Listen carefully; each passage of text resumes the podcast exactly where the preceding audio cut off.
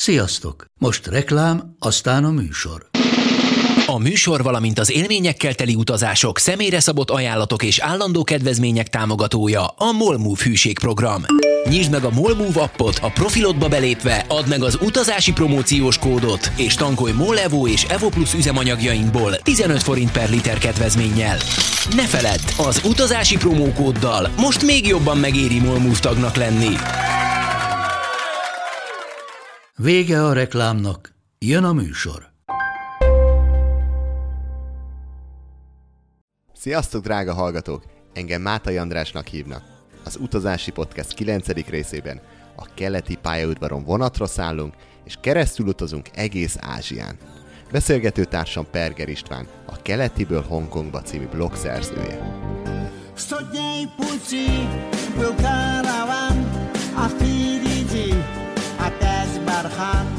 Еще бархан, куда ни глянь, везде песок. Hello István, üdvözöllek a műsorban. Szervusz András. Hát amikor kutattam utánad és olvasgattam a blogodat, vagy néztem veled kapcsolatban interjút, az egyből feltűnt, hogy neked a gyermekkori élmények azok mennyire meghatározóak. Gondolok itt a, például apukádra, hogy hol dolgozott, vagy a könyvek szeretete, a történelem szeretete kicsit, hogy így belecsapjunk az egészbe, mesélsz egy kicsit a gyerekkorodról, hogy honnan jött az egész? Igen, ezt jól látod, ez nekem valóban elég fontos, és nem is szoktam ebből titkot csinálni, tehát általában, hogyha posztolok, akkor pár poszthoz oda is írom, hogy ez egy, egy gyerekkori álmomnak a megvalósítása, megvalósulása, Hát apukámat említetted, ő a magyar államvasútaknál dolgozott egész karrierje alatt, tehát ő még azon kevesek közé tartozik, aki odalépett be egyetem után, és onnan ment nyugdíjba. Életpálya, teljes életpálya. Abszolút életpálya modell, és hát valószínűleg innen jön, hát nem valószínűleg, hanem egész biztosan a vonatozás ugyanis mi sokat vonatoztunk nagyon annak idején gyerekkoromban, sőt, még egyetemista koromban is volt hát ilyen ingyen jegyem Európa számos országára, és ezt igyekeztem maximálisan kihasználni, és én, szere, én megszerettem a vonatozást, tehát én megértem azokat, akiknek a vonatozás egy, egy ilyen kényszenvedés, vagy minden nap vonattal járnak munkába, és nem annyira szeretik ezt a dolgot, vagy rossz minőségű vonatokon utaznak. Én is utaztam borzasztó vonatokon is, de nekem valahogy mindig egy ilyen nagyon pozitív képzettársításom csatolódott a vonatozáshoz, én ezt mindig is nagyon szerettem valószínűleg, hogyha minden nap vonattal kéne bejárnom dolgozni, akkor más lenne a helyzet. Uh-huh. És hogy telt a gyerekkorod? Akkor suli után elmentél, meglátogatod apukádat, és vonatoztatok? Vagy felszálltál a vonatra, és innen nem, jön ez? Főleg, főleg mi külföldre utaztunk vonattal, tehát ez nem volt egy napi szintű dolog, hogy mi állandóan vonatozunk egyáltalán, de nyaralások azok jellemzően vonattal voltak. Hát nyilván ez volt olcsó, ez volt ingyen, a családunknak, mint a vasúti dolgozóknak, tehát vasúti dolgozók mai napig, ha jól tudom, kaphatnak valamennyi ingyen egy évben, környező országokba vagy más országokba sokat vonatoztunk, és igazából itt jönne be a másik elem, a történelem, amit te is ö, említettél. Tehát egyrészt nekünk ott van rengeteg történelmi irodalmunk volt, ö, lexikonok, könyvek, ezeket én bújtam kisgyerekként is, hogy megnéztem a piramisokat, és akkor hú, de izgalmas, oda el kéne menni. Ö, és ebben nagypapámnak volt egy jelentős szerepe, tehát ő rengeteget foglalkozott velem kisgyerekként. Tehát rendszeres dolog volt, hogy ő Esti Mese címén történelmet mesélt. Mondjuk elmesélte a francia forradalmat. Nyilván a, az adott életkornak megfelelő szinten és szó kincsel, de, de nekem ez egy alapélmény volt. És ő történelem szerető volt, hogy ezeket felolvasta neked? Nem, nem volt. Egyébként most hogy, most, hogy rákérdeztél, olyan is volt, hogy felolvasta mondjuk Marcus Aurelius önéletírását, vagy abból olvasott fel részleteket.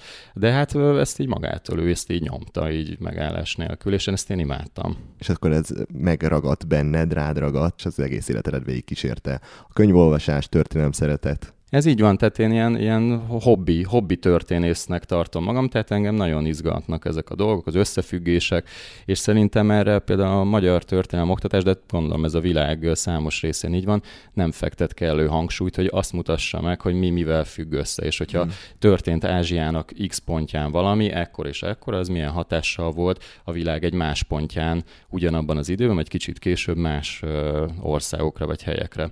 És ez ugye minél többet utazik az ember ezeken a, ezekbe a térségbe, pláne ahova én utazom, keletre, hogy ezeknek az országoknak, ezeknek a területeknek nagyon szoros összefüggései vannak mondjuk Európával, vagy konkrétan Magyarországon, Magyarország történetével és ezt én borzasztó izgalmasnak tartom, hogyha ezeket az összefüggéseket felfedezhetjük, illetve hogyha elmehetek egy olyan helyre, amelyről korábban történelemkönyvből olvastam, hogy ott mit 1200 évvel ezelőtt milyen csata volt, és akkor milyen fá, ö, ö, uralkodó ezt csinálta, azt csinálta, ezek, ezek szerintem borzasztó hmm. izgalmasak. És hogy, hogy kelet? És én úgy gondolom, hogy ez a szocialista era, ez az, ami téged igazán érdekel, ez is gyerekkorból jön? Vagy csak úgy ez fogott meg?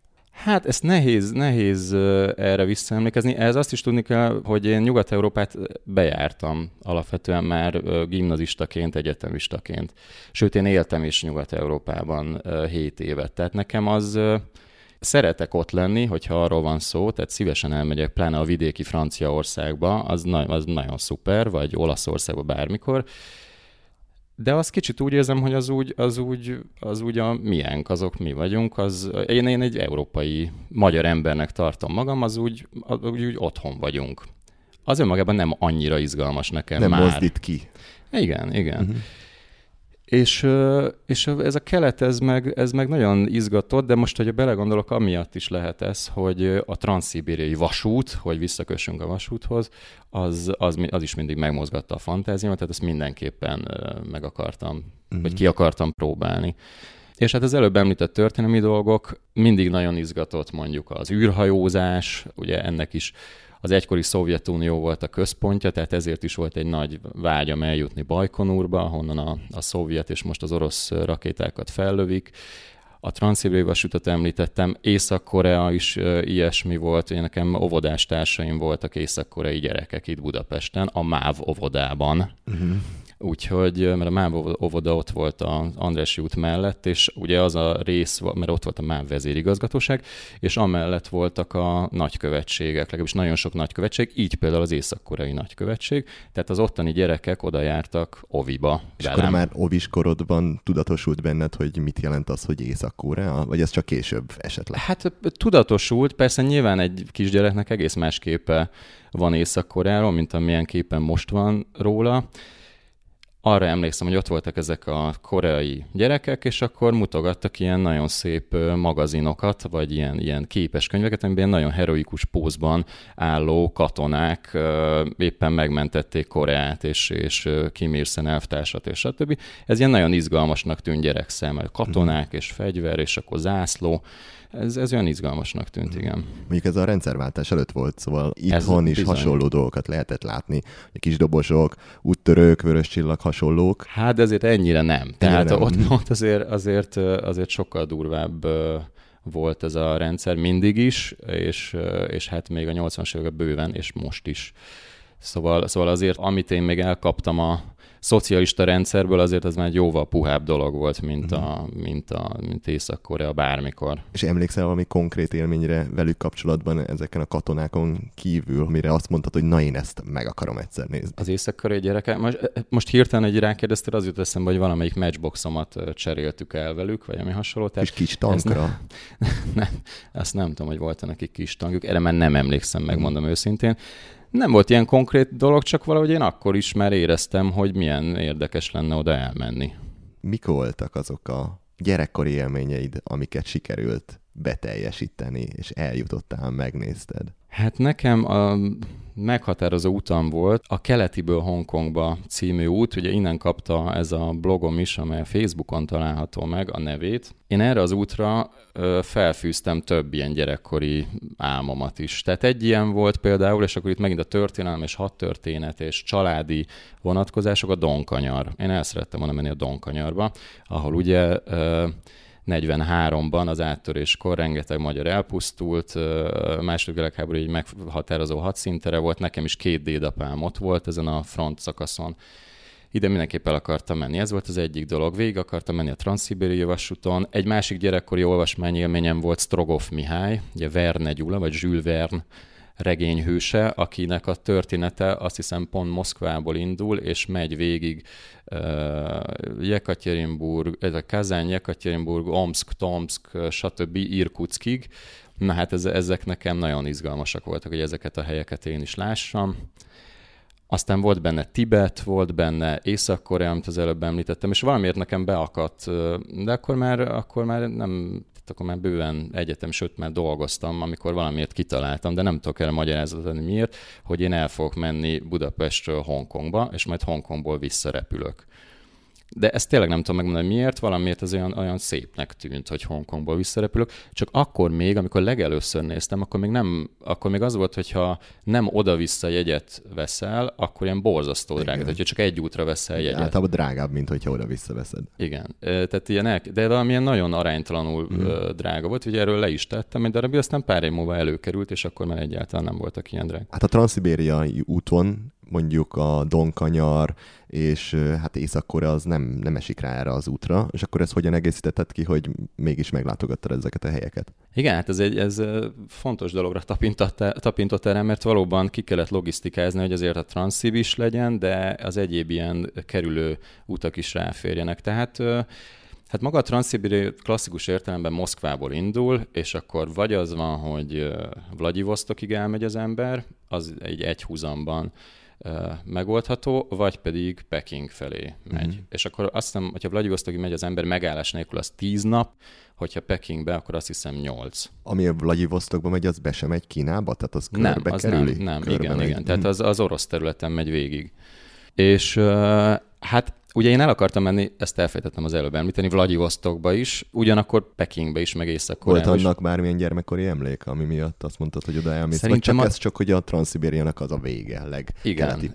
Ez, ez az egyik, másrészt meg az mindig, a Vladivostokról szerintem arra asszociál az ember, én legalábbis mindig arra asszociálom, hogy hú, ez valami nagyon-nagyon messze van, és hát ezt meg kell nézni. Tehát kb. ennyi. Most, hogy visszaemlékszem erre, egyetemistaként mentem el vonattal Narvikba, ugye Észak-Norvégia, sarkörön túl, oda is vonattal mentem, és onnan mentem le Dél-Olaszországba vonattal, de nem is ez a lényeg. De az is valamiért ilyen gyerekkori dolog volt, hogy ott nézegettem a, a, a világatlaszt, mondjuk ilyen elsős általános iskolás koromban, és valamiért kiszúrtam, hogy én Narvikba el akarok menni. Tehát ezekre nem feltétlenül van racionális magyarázat, és, és egyébként amikor elmentem, akkor uh, Stockholmban mentem hálókocsival. Egyébként lehet, hogy erről is érdekes beszélni, most ez a hálókocsizás megint milyen nagy hype lett, hogy fú, de menő, és uh, nem bocsájtunk ki káros anyagokat. Na mindegy, szóval Stockholmban mentem, és, uh, és pont a névnapomon értem oda uh, Narvikba, és még Stockholmban, ugyan semmi pénzem nem volt. Tehát az volt, hogy volt a vonatjegyem, semmi pénzem nem volt, hogy még Stockholmban vettem egy, egy ilyen fél literes dobozos sört, és a névnapomon augusztus 20-án Narvikban így kibontottam, így megittam, és így halálosan boldognak éreztem magam. Szóval ezek ilyen szép dolgok. Megmagyarázhatatlan, de... Így van. Hát ugyanez volt, amikor a Transzibériai vasúton mentem, hát kb. ott is vettem sört, vagy hát volt, hogy vodkát vettünk, stb. Ott egy, egy, egy utitársammal voltam ezen a szakaszon, és akkor csak annyi, hogy zakatol a vonat, ö, iszom a sört, mondjuk este 11-kor a, a, a vonaton, és akkor ilyen marha boldog vagyok. Tehát ezeket, ezeket így nehéz megmagyarázni, de ez, hát talán akkor még nem volt ez felfedezve, de ezt, ezt mondhatjuk flow élménynek, ez tényleg egy, egy nagyon klassz és érzés. Furcsa, hogy te ott, hogy ott érzed magad otthon. Volt a végén olyan, hogy amikor megérkeztetek, akkor kicsit szomorú volt, hogy már le kell szállni, és, és kicsit ilyen nosztalgikusan visszagondolta, hogy de jó volt az utolsó pár nap. Oly, olyan volt, hogy nagyon hozzászoktam a, a zakatoláshoz, hogy vonaton aludtunk legtöbbször. Uh-huh. És amikor ez a szakasz az útnak véget ért, akkor olyan fura volt, hogy, hogy, és akkor tényleg kicsit olyan szomorú volt az ember. De például, amikor megérkeztünk Észak-Koreába, Pyongyangba, vagy amit, amit Magyarországon általában Fenyánnak mondanak értetetlen okokból, mert ez a F az nem F, hanem PH, de mindegy akkor, akkor megint csak ilyen teljesen euforikus állapot volt, hogy most komolyan elmentünk vonattal Észak-Koreáig, és az valami szuper érzés volt. Lehet, hogy ennek az érzésnek a fokozása az is hozzájárult, hogy még egy mongol Khan vodkát fogyasztottunk, még pedig oly módon, hogy beleöntöttük a lengyel uh, cseresznye konzervbe. Egy ilyen cseresznye befőtt volt. Tele van lengyel uh, termékkel amúgy Mongólia, érdekes módon, uborka, meg mindenféle ismi. Na szóval ez, ez a koktél, ez, ez, ez nagyon, nagyon mm. segített valószínűleg, de amúgy is egy szuper érzés volt. És egyébként mondjuk a Transzibéria Express, akkor hány napot ültetek rajta? Hát mi jóval többet, mert én nekem az volt a koncepcióm, hogy, Hogy még benne nem voltak poly- ezek az utak, ezek a Igen, le- levágások. Mhm. Meg megálltunk egy csomó helyen. Tehát szerintem az nem poén. Jó, biztos. Tehát nem egybe mentétek Nem. végig. Aha. Biztos van annak is sportértéke, hogy akkor egybe lenyomok tíz napot, hú, de menő vagyok. Én ezt nem éreztem annyira követendőnek, mert szerintem persze így is nagyon érdekes beszélgetni emberekkel, találkozni emberekkel, a, ugye helyiekkel, oroszokkal, nem oroszokkal, turist, más turistákkal, de én mindenképpen el akartam menni ezekre a helyekre, tehát Jekaterinburgba, Tomskba, Irkutskba, Bajkáltóhoz, tehát ezeket megszakítottuk, ezeket az utazások, ezeket a, ezt a vonatozást. És akkor az előbb nem fejeztem be, hogy, hogy akkor az lett a megoldás, hogy Vladivostok is legyen, meg Kína is legyen, hogy van egy Ulán Ude nevű város, ami a nevéből talán nem következően Oroszországban van, Búrjá- Búrjátföldön, és ott ágazik el a vasút. Az egyik része az lemegy az egyik irány az lemegy Mongólián keresztül Kínába, a másik pedig megy tovább Vladivostok felé. Csak nem itt váltják a sin táv, hogy, hogy milyenek a szakszava, nem, nem tudom pontosan, hogy Ez a más tenge, s- tengelytáv, tehát ez, ez valóban itt van egy váltás, illetve nem itt van, hanem a, hanem a mongol-kínai határon Mhm. van. Tehát, tehát ugye Oroszországban szélesebb a, ez a nyomtáv, a, a, a tengelytáv, Kínában viszont, ha jól tudom, annyi, mint nálunk, tehát ott, ott vissza kell váltani, és egyébként ez nagyon szórakoztató dolog, fölemelik ilyen darukkal a, a kocsikat, úgyhogy az emberek benne vannak, és akkor kitolják a régi tengelyeket, és betolják az újat, és visszaeresztik. És te meg rajta ülsz. Én meg rajta ülök, és jól szórakozom, igen. De egyébként ehhez hasonló történik Záhonynál is, tehát amikor átmegy a magyar területről ö, ukrán területre a vonat, ott, is, ott is kicserélik a tengelyeket, csak az nem tudom, az, az nem tűnik olyan egzotikusnak, mert ez itt van nálunk, de egyébként pont ugyanez történik. Mondjuk Kínában azért jobban, szóval ott egy nagy csarnokba toltak be, az ki volt világítva, szóval kicsit olyan szervezettebbnek, vagy olyan grandiózusabbnak tűnt mindenképpen, mint a magyar-ukrán határon. Mhm.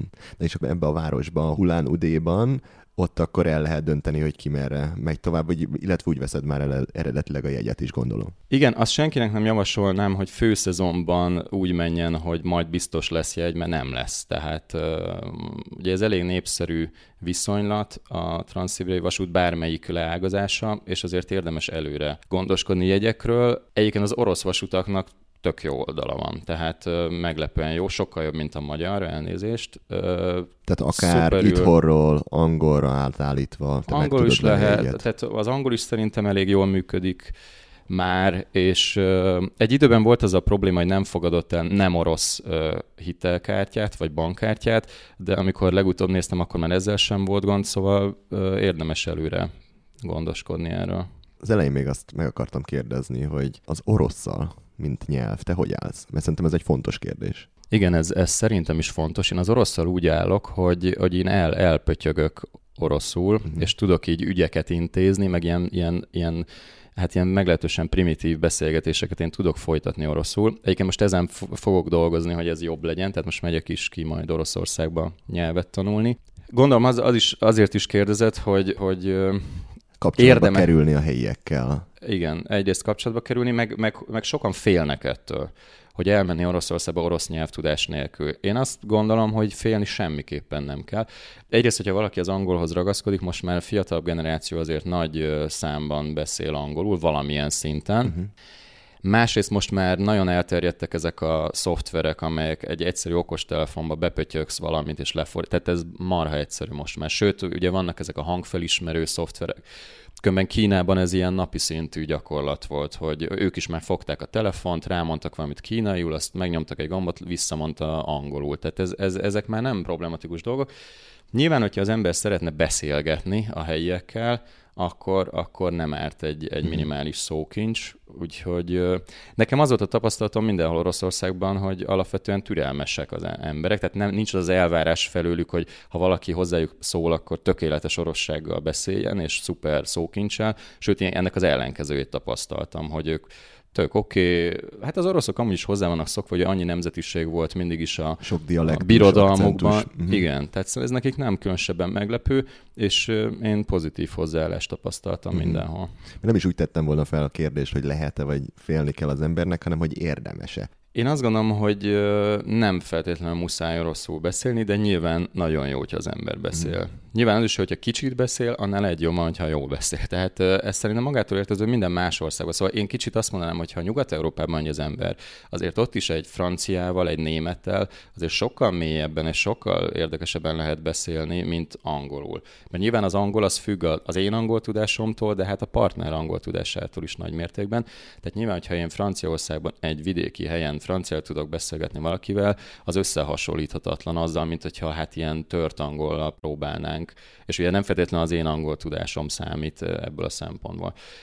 Hát ugyanez van Oroszországban is. Tehát én ezt nem gondolom egy ilyen hű, de idegen dolognak. Uh-huh. De, de akkor mondok egy más példát. Kínában Uh, ahol aztán tényleg nehéz. Egyébként ott is vannak meglepődők, vannak ilyen tökéletes angolsággal szólt hozzám a vonaton, elmesélte a történetét annak az adott helynek, ahol mentünk. Most eszembe jutott még egy dolog, amikor Chengdu városából mentem Hongkong felé, Shenzhenbe, egy két éjszakás vonatút volt, az mondjuk elég maratoninak tűnt, pláne, hogy a fülkében, ugye a hálókocsi fülke, az hat főre van kialakítva.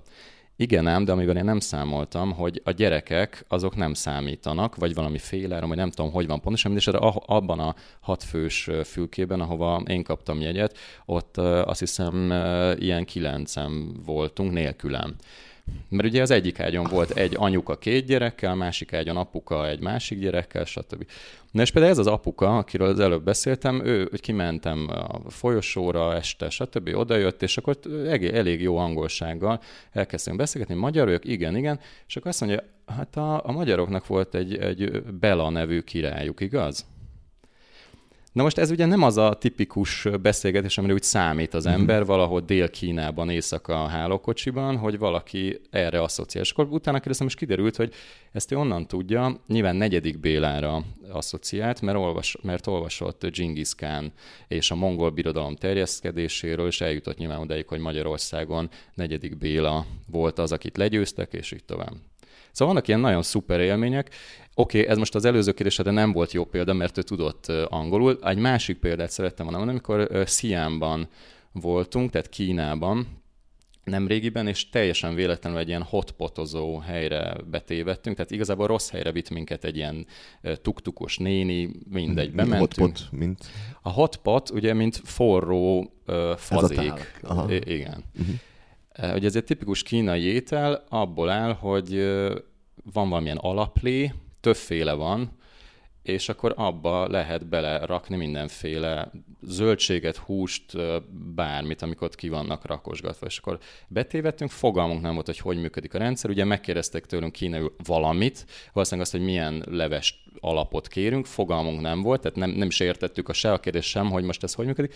És egy idő után ott a helyi alkalmazott fogta magát, hogy ja, nem kell ezzel törődni, kirakott kétféle ö, ö, ilyen leves alapot nekünk, ö, odavitte, ott egy nagyon kedves lány odavitte a hűtőpulthoz, akkor mutogatta, hogy ezt vegyünk meg, azt vegyünk meg, utána még hozott külön ilyen hurkapálcikára feltűzött ö, húsokat, meg nem tudom mit mutat, csinált egy ilyen fűszerkeveréket, és utána egyfajta olyan beszélgetés alakult ki, úgyhogy mi ne, nem tudtunk kínaiul, ő nem tudott, hát magyarul végképp nem, de angolul sem, hogy igazából ilyen úgy váltunk el, mint ilyen hű jó barátok, hogy még akkor behozta a kutyáját, akkor ölelgettük egymást, és egy ilyen esemény számba mentünk ott azon a helyen, hogy a helyiek is nagyon lelkesek, oda jöttek segít, tudnak-e segíteni, hát akkor előkerültek nyilván a telefonok, fordító programokkal. De szóval én az egész... Szóval meg, meg lehet oldani ezeket a nyelvi így, na, így van. Az egészből ezt akartam kihozni, hogy nem kell megijedni. Tehát most már pláne modern technológiában végképp nem kell megijedni, és amúgy sem. Uh-huh.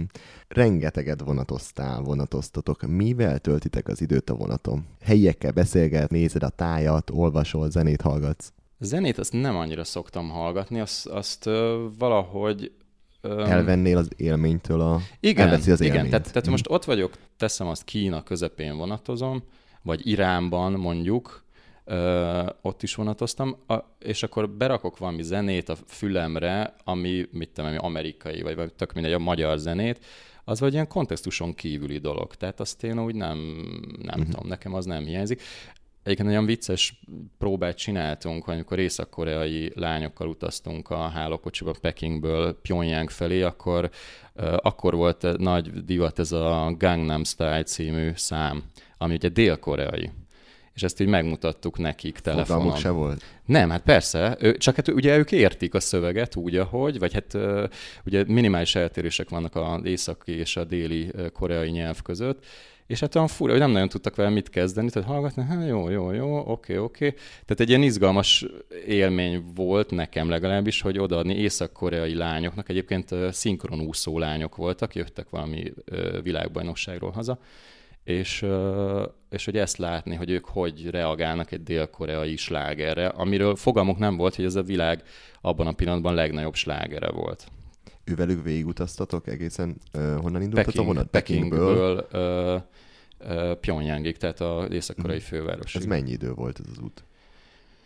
Ez úgy nézett ki, hogy ha nem tévedek, Pekingből este vagy délután ötkor indult a vonat, és ez másnap kora reggelre ért a határa. Ez Dandong nevű állomás, az, a, az van a Jalu folyónak az északi oldalán, és akkor innen még tehát én úgy emlékszem, hogy, hogy este, vagy délután ötre értünk Pyongyangba, tehát összesen 24 óra volt. 24 óra. És ezekkel a lányokkal a kapcsolatotok bárhogy változott az út folyamán? Elején kicsit féltek tőletek esetleg, aztán ahogy közelebb kerültetek Észak-Koreához, én úgy gondolnám, hogy akkor egyből kicsit távolságot tartottak. Volt ilyen, éreztetek ilyen Volt, dolgot? volt, igen, igen, ez, ez érdekes kérdés. Hát eleinte ugye felszálltunk a, a vonatra, akkor nem nagyon volt interakció. Egy másik ilyen folyamat megfigyelhető volt a hálókocsi kalauzok részéről. Ugye ez egy észak-koreai kocsi volt, tehát a személyzet is észak-koreai mm. volt. És eleinte, mindjárt visszatérek a kérdésedre, de eleinte nagyon hát hogy mondjam, ilyen, ilyen fegyelmező és, és mogorva magatartást tanúsítottak irányunkba, hogy ne álljunk oda, ne rakjuk oda a lábunkat, nem szabad, és stb. Hát így mutogattak meg.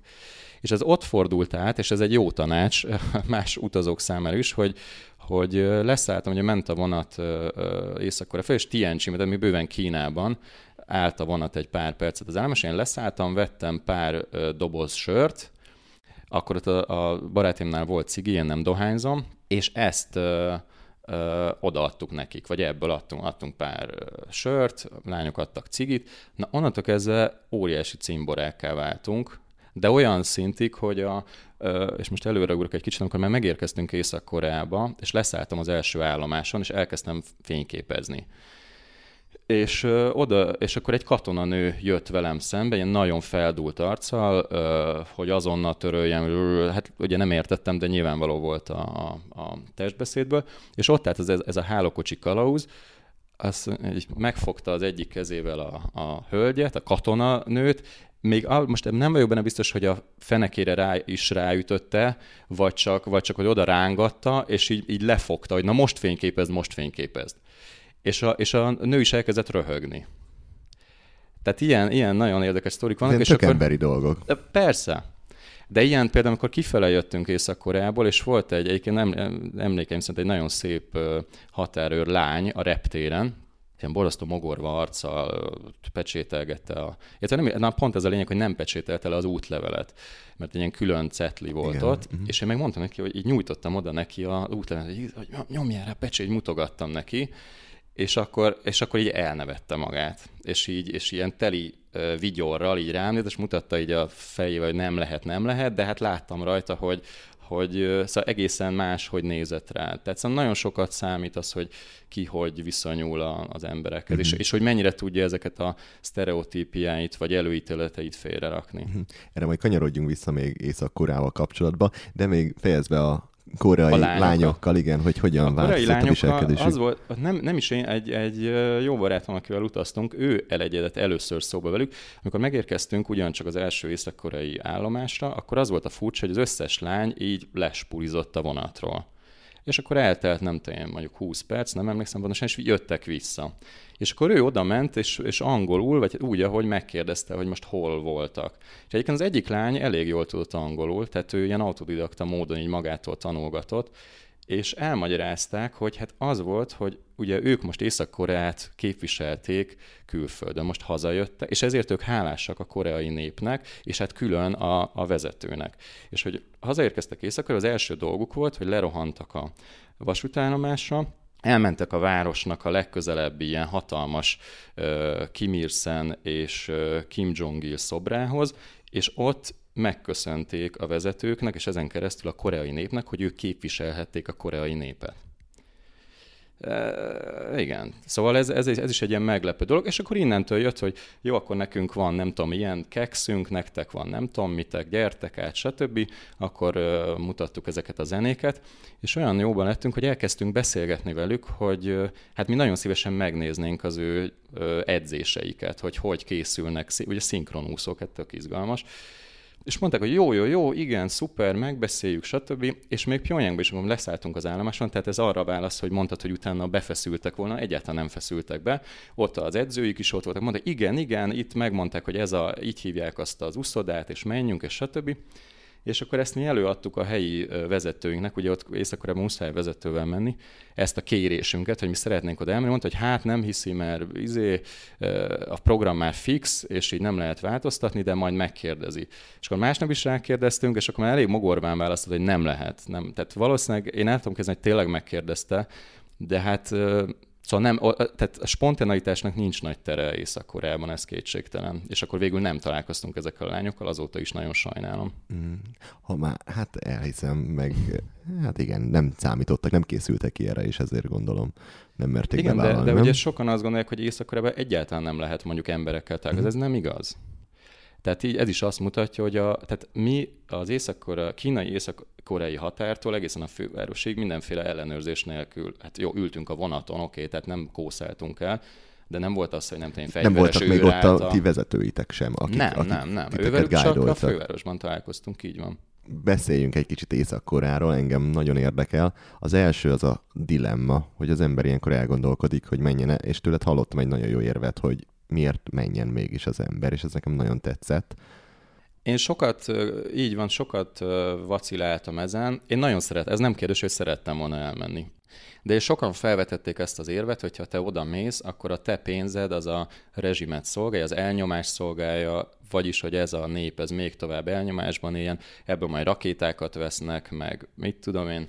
És igen, ez valóban benne volt a gondolataim között, hogy most ez, ez szabad-e, jó-e, és nem, nem kaptam megnyugtató választ, akkor kicsit megnyugodtam, amikor Moszkvában találkoztam Jevgenyi Popov orosz íróval, aki az orosz penklubnak az elnöke. Tehát ő, egyébként ő vele úgy jöttem össze, hogy itt Budapesten volt egy könyvfesztivál, mielőtt én elindultam volna, és pont Szibéria, ő egy szibériai ember, és uh, egyszerűen oda mentem hozzá, és elkezdtem el beszélni, stb. Utána a könyv kiadójától megszereztem a címét, és ráírtam, hogy itt leszek, szívesen csinálják interjút, tök jó. Na mindegy, ez egy másik téma, és akkor vele beszélgettem, és mondtam, hogy megyek észak és hát, hogy most van ez az aggályom, hogy nem. És ő azt mondta, hogy á, ez hülyeség, ez ne törődjek, amit én adok pénzt, az nulla, az semmi, az nem számít. És akkor kicsit nyugodtabban mentem, de aztán, amikor már ott voltam, akkor jöttem rá, hogy hogy miért volt jó döntés elmenni. Hogy, ha belegondolunk, Magyarországon is a, a szocializmus évei alatt a, a, a rendszernek az egyik leggyengébb pontja az volt, hogy az emberek nem hülyék hogy az emberek nagyon jól tudják, hogy hiába a propaganda arról, hogy fú, ott hogy el vannak nyomva a munkások, és, és nyugaton ott igazából csak egy-két ember gazdag, amúgy mindenki ilyen sötét nyomorban él, és, és nincs pénzük, és stb az emberek nem hülyék, tehát nagyon jól tudják, hogy ami egy nyugati turistán volt, mondjuk, hogy a magyar szemszögből nézzük, milyen órája volt, milyen pulóvere volt, milyen nadrágja volt, volt farmere, igazi amerikai típusú farmere volt, nem tudom, milyen kabátja, milyen chipset evett, stb. Tehát ebből azt látja az ember, hogy hú, akit valami nem oké, tehát ott, ott, ott, ott tényleg jobban élnek, és én ugyanazt gondolom Észak-Koreára, tehát minél több ilyen interakció van, minél több embert látnak külföldről, akiken látják, hogy milyen ruha van, hogy most itt nem nagy dolgokra kell gondolni, drága ruhára vagy valami, hanem egyszerűen más és jobb minőségű dolgokat lát rajta, akkor óvatatlan, hogy az emberek elgondolkoznak azon, hogy itt akkor valami nem stimmel. Tehát akkor, akkor, akkor még lehet, hogy mégsem mi vagyunk a világ legboldogabb ország. Szóval én, én nekem kimondottam fáj, amikor a nyugati sajtóban, Magyarország is nyugati sajtó ebből a szempontból, olyan kép jelenik meg észak hogy az emberek agymosott hülyék, tehát röviden. Igazából ja. ez van. Ahol, ahol ennek, az... Ez a bulvár hír, ennek van hírértéke. En, persze, meg az emberek ezt szeretik, hogy hú, és akkor, akkor csak négyféle hajviselet engedélyezett, és csak így lehet, hú, és akkor nem tudom. Ez szerintem olyan szinten így lealacsonyító gondolkodás az észak-koreai emberekről. Az észak emberek nem hülyék, legalábbis nem hülyébbek, mint bármi más hasonló nép. Csak éppen más a rendszer. Más a rendszer, de erre egy másik példám is van, hogy, hogy hogyha az 1950-es években itt a budapesti nagykörúton megkérdezett volna egy amerikai forgatócsoport egy embert, egy teljesen mindegy milyen ember, ön szereti-e Rákosi elvtársat, és, és szereti a kommunista rendszert, hát ki lett volna az a hülye, aki azt mondja, hogy nem, ő, ő utálja, és izé most vigyenek el bilincsbe. Tehát ez ilyen nincs.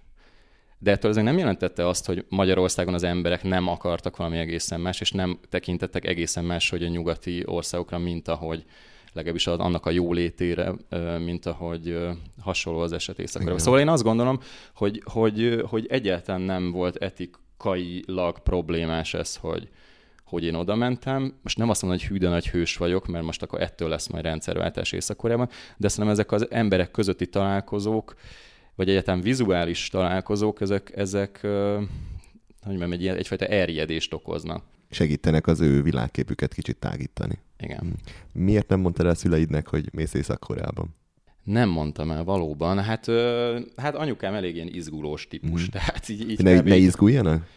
Én nem, nem akartam, hogy fölöslegesen izguljon, tehát ö, nem mondtam. Hát ott, ott mondtam, ki, tehát készítettem tervet, és akkor anyukámnak van ez a rutinja, hogy elkéri tőlem a, az úti tervet, úgyhogy kellett ilyen alternatív tervet is készítenem, amit prezentáltam előtte nekik, hogy akkor fú, ott lesz egy pár nap, amikor Kínának valamilyen vidéki részén leszek, ott lehet, hogy nem lesz internet, meg izé. Egyébként látom, Kínában sokkal jobb mobilnet van, mint Magyarországon, de mindegy, mert akkor is sokkal jobb volt. Tehát ott kicsit ott valamit, volt egy ilyen, egy ilyen diverzáns manőver, úgyhogy igazából, amikor visszatértem Kínából, Kínába, akkor hívtam fel őket, hogy na, megjöttem Észak-Koreából. Uh-huh. És a szabályokat mennyire kellett betartani? Az emberek van egy ilyen hát elképzelése, hogy ott mindent megmondanak, percre pontosan jön a guide, ő azt mondja, hogy most lehet elmenni vécére, most kajálunk, ide megyünk, oda megyünk, ez mennyire igaz? Ennyire nem volt szigorú, de szerintem ez nagy mértékben függ a vezetőtől is. Tehát nekünk egy olyan vezetőnk volt, aki ketten voltak egyébként, tehát ők nyilván egymást is figyelik, stb., de hát szóval ez, ez, ez oké. Okay. De a fő vezetőnk, hogy így mondjam, ő az eltén végzett egész konkrétan, tehát ő magyarul beszélt, nyilván volt egy külön affinitás, vagy nem tudom milyen uh, szimpátiája az irányunkban, tehát ő kicsit ebből szemben rugalmasabb volt, de simán volt olyan, hogy már ránk esteledett, és, és akkor jó, egy ilyen múzeumban, már éreztük, hogy már kéne menni, de hát jó, jó, még oda menjünk el, stb. Egyébként nekem az a gyanom, hogy azért siettettek minket, hogy ne lássuk, hogy áramszünet van. Uh-huh. Mert utána valóban az volt, hogy ki, mire kijöttünk ebből a múzeumból, a tervhez képest később, már sötétedés után, akkor azt láttuk, hogy a környező épületek nincsenek kivilágítva. A közterületeken van egy, volt egy-két lámpa, ami világított, és például láttam egy kislányt, hogy ott tanult. Tehát lement az utcára, és a könyvét ott olvasta. És egy dolog volt viszont nagyon szépen kivilágított, és onnan pont látszott, ahol voltunk, a, a két vezetőnek az emlékműve ott a messzi távolban. Az gyönyörűen ragyogott, tehát abban, abban nem volt hiba. Szóval, hogy milyen szabályok vannak, tehát sokszor szokták kérdezni, hogy lehet-e fényképezni, lehet. Tehát én csomót fényképeztem, videóztam. Elmondják azokat a szabályokat, hogy például nagy vezéreket csak úgy szabad fotózni, hogy nem vágott félbe őket. Tehát ezekre külön figyelmeztetnek? E, nekem ahogy... ezeket nem. Én is hallottam erről, meg lehet, hogy másnak elmondták. Nekünk speciál ezt nem hmm. mondták el, de volt olyan, hogy például csináltam egy selfit a, a nagy vezetőkkel, és akkor hát ezt mondta a, az idegen, hogy hát ez nem, nem illik, mert ez, ez megsérti a koreai népet, és íz, és mondtam, hogy jó, oké, tehát akkor ezt nem raktam ki sehova. Tehát szerintem ezekkel lehet élni, tehát hogyha az ember nem úgy megy oda, hogy most, hogy most fú, ú, milyen jó szelfiket fog csinálni, akkor ez tök oké. Olyan volt, hogy, hogy egy-két, amikor ilyen katonai ellenőrző pontokhoz közelítettünk, mert ilyenek azért vannak, pláne ugye Dél-Korea felé az úton, egyébként sokkal kevesebb, mint mondjuk Tibetben, Kínában, vagy, vagy egy csomó más országban, mindegy akkor kérte, hogy na most mindenki rakja le a vizét, fényképezőt, tehát most nem, tehát, de akkor ennyi, tehát nem, nem kell ellenszegülni, mert magának keresi a bajt, aki ilyenkor Persze. nem követi az utasítást. De szóval, de szóval nem úgy kell elképzelni, hogy minden percben ö, jöttek ostorral, és szóval nem, mhm. nekem nem volt ilyen érzésem. Egyébként, amit említettél, hogy a nyugati sajtó alapján az embernek egy sokkal szigorúbb képe lehet az országról, és én nagyon sok dokumentumfilmet néztem, sőt, most már vannak vloggerek, van egy szingapúri srác, aki Észak-Koreában él, és rendes heti szintű vlogokat csinál, elmegy az áruházba és eszik hamburgert, Müncheni sörfesztivál van, ahova kimennek, felültek a... Maratonfutás van. Ilyenek, tehát hogy teljesen hétköznapi dolgok, ha az ember csak ragaszkodik ahhoz, amit a sajtóban hall, akkor ezt a kettőt nem tudja összeegyeztetni. Igen, ö, szóval azért ne essünk abba a tévedésbe, hogy azt gondoljuk, hogy minden szuper észak Tehát, ö, és hogy mondjam, a 30-as évek Németországából is láthatsz olyan videókat, vagy szóval filmfelvételeket, hogy mindenki milyen boldogan, nem tén, e, evez a hétvégi háza mellett, és, és eszik a, nem tén, a vattacukrot de tudjuk, hogy közben koncentrációs táborok voltak ezzel párhuzamosan. Ugyanez a magyar 50-es évekből is rengeteg színes, uh, szuper filmet látta, hogy mindenki milyen boldog, de hát közben ott volt recsk, meg, meg egyéb uh, szörnyű dolgok. Tehát ez észak van, ezt nem szabad elfelejteni, tehát távol álljon tőlem, hogy azt mondja, hogy minden szuper, és, és én, én csak azt állítom, hogy, hogy a, amilyen kép él a mindennapokról Észak-Koreában, mondjuk nyilván nem a koncentrációs táborok mindennapjairól, az, az szerintem eléggé fals és félrevisz. Uh-huh. Igen. Tehát például vannak ilyen gyors étteremszerű dolgok, hát amiket te is említettél, ilyenben én is voltam, és hát az emberek élik a mindennapjaikat, ahogy, ahogy tudják. Igen. A vezetőktől, aki titeket vezettek, őtől tudtatok bármilyen információt megszerezni, próbálkoztatok, belekérdezni így a rendszernek a furcsaságaiba. Hárítottak? Szóval én, én, én ezt úgy érzem, hogy ez egy logikai játék. Tehát megint csak visszatérek ahhoz, hogy nem hülyék. Tehát nyilván tudják, hogy én miért kérdezek valamit, miért uh-huh. úgy kérdezem azt a valamit, sőt azt is tudják, hogy én tudom, hogy ők nem válaszolhatják azt, amit ők amúgy válaszolnának, és azt is tudják, hogy én tudom, hogy amit ők válaszolni fognak, az azt majd én hogy fogom érteni. Tehát ilyen, ilyen nagyon mhm. bonyolult, többdimenziós dolog. És, és mondjuk azért, mert ketten vannak, azért nem merő szerinted őszintén válaszolni? Vagy ő, ő benne tényleg nem, van az a haza szeretet, hogy azt mondja, hogy ezt Szerintem szeretné az hát országát hát is. Én jobban az, bemutatni. Hát az biztos, hogy aki, aki mondjuk turistákat vezethet abban az országban, annak biztos, hogy nagyon szigorú átvilágításon, rendszeres ellenőrzéseken kell átesni. Tehát ez az, az nem is kérdés. Nyilván ez is mondja, két idegenvezető egymást is figyeli. A mi esetünkben ez, ezzel azért volt kicsit speciális a helyzet, mert a, az egyik vezetőnk tudott magyarul, a másik meg nem. És ő biztos, hogy nekem van egy ilyen ja, hogy képzetem, ő... hogy lehet, hogy ő is tud magyarul, csak ugye nem mondják el, hogy tud magyarul, és ő, az hmm. a képetek, hogy ő nem tud, és akkor ő előtte lehet beszélni magyarul, és akkor... Hát igen, ebben is lenne logika, de a konkrét esetben nem, nem volt, volt erről szó. Hmm. Tehát az a másik srác, ő lengyelül tudott mert Lengyelországban járt azt hiszem egyetemre, vagy középiskola, nem tudom, lehet, hogy azért osztották be ott, mert aki beosztotta, azt gondolta, hogy na ez valami, valami hasonló. Ilyen volt például, most voltunk nyáron kicsit másztori Kirgizisztánban, megérkeztünk egy jurta táborhoz, egy tó mellett, nagyon szép, stb. És akkor ott a helyi lány, egyébként nagyon vicces, hogy jurta, jurta tényleg a nagyon messze mindentől, és a, az a lány, aki fogadott minket, egy helyi kirgiz lány, kékre festett hajjal, és a legdurább amerikai akcentussal köszöntött minket, de úgy, hogy amúgy ilyen lovak vannak, meg mit tudom, tehát tényleg ilyen nagyon távoli hely. És akkor mondta, hogy akkor mi honnan vagyunk? Magyar. Jó, hát akkor jó, mert itt van a szomszéd jurtában, hogy csehek vannak, akkor majd tudunk velük beszélgetni. Tehát ugye ezek így néha így, hát valóban tudtunk, csak ugye nem csehül, vagy nem, Igen. meg nem is magyarul.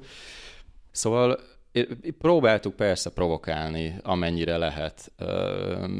Tehát például egy ilyen alapkérdés volt, hogy akkor, akkor lett az új vezető, tehát a Kim Jong-un, aki most, a, most az észak vezető, akkor választották meg, vagy akkor vette ő át a hatalmat, és akkor kérdeztük ilyen, hát megint csak ezt mondom, ilyen álnaiúan, hogy Hát, hogy ez, hogy ez milyen érdekes, hogy mindig ebből a családból kerülnek ki a vezetők, hogy, hogy ez miért van. És akkor erre azt mondta, hogy hát ez azért van, mert nyilván ami bevált, ami jó, azon nem kell változtatni. Tehát ez, ez ha egyszer ők, ők jók, akkor miért kéne? Tehát megint ilyen, és akkor erre mit mondasz? Persze. Igen, hát hümmögsz, hogy így valóban tényleg. Igen, és logikus is. Tehát, hogy... Abszolút logikus, igen, így van. Igen. Szóval, szóval van egy ilyen játék, és akkor voltak olyan pillanatok, amikor azért ö, ö, szóval túlment ezen a, az ő hozzáállása is, meg amit ő mesélt nekünk, Például ők nem csináltak titkot abból, hogy igen, tehát elhangzott, volt egy ilyen beszélgetés, hogy, hogy kérdezte, hogy ugye ti azt hallottátok, hogy itt a 90-es években az emberek éheztek, és fakérget rágtak, meg, meg abból csináltak levest, meg mit ilyen fűből csináltak levest. És akkor hát mondtuk, hogy hát igen, hallottuk. És úgy itt arra számított volna az ember talán, hogy azt mondja, hogy na ez mind hazugság, ez mind propaganda, és nem, és azt mondta, hogy na ez igaz. És akkor innen eljutottunk oda egy olyan történethez, hogy, hogy, hogy mennyi ember meghalt, neki is konkrétan barátja, munkatársa, a felesége meg a gyereke meghalt éhínségben. És akkor innentől kezdve az ember nem érzi ilyen nagyon humorosnak azokat a híreket Észak-Koreából, hogy fú, most nem tudom, milyen hajviselet kötelező az észak-koreai férfiaknak, meg, meg, meg ezek a kis mókás, meg hogy milyen vidám parkba ment el a, a vezető, és, akkor, és amúgy is milyen kövér. Szóval e, ezek, ezek így egészen más kontextusba kerülnek ezek a dolgok. Még két kérdés Észak-Koreáról, aztán menjünk tovább. Jól láttam, hogy voltál ezen a Mass Game-en? Igen. Ez az Arirang Fesztivál, ez most nem tudom, újraindult-e, mert azt tudom, hogy akkor az volt az utolsó hosszú ideig, utána azt levették a uh-huh.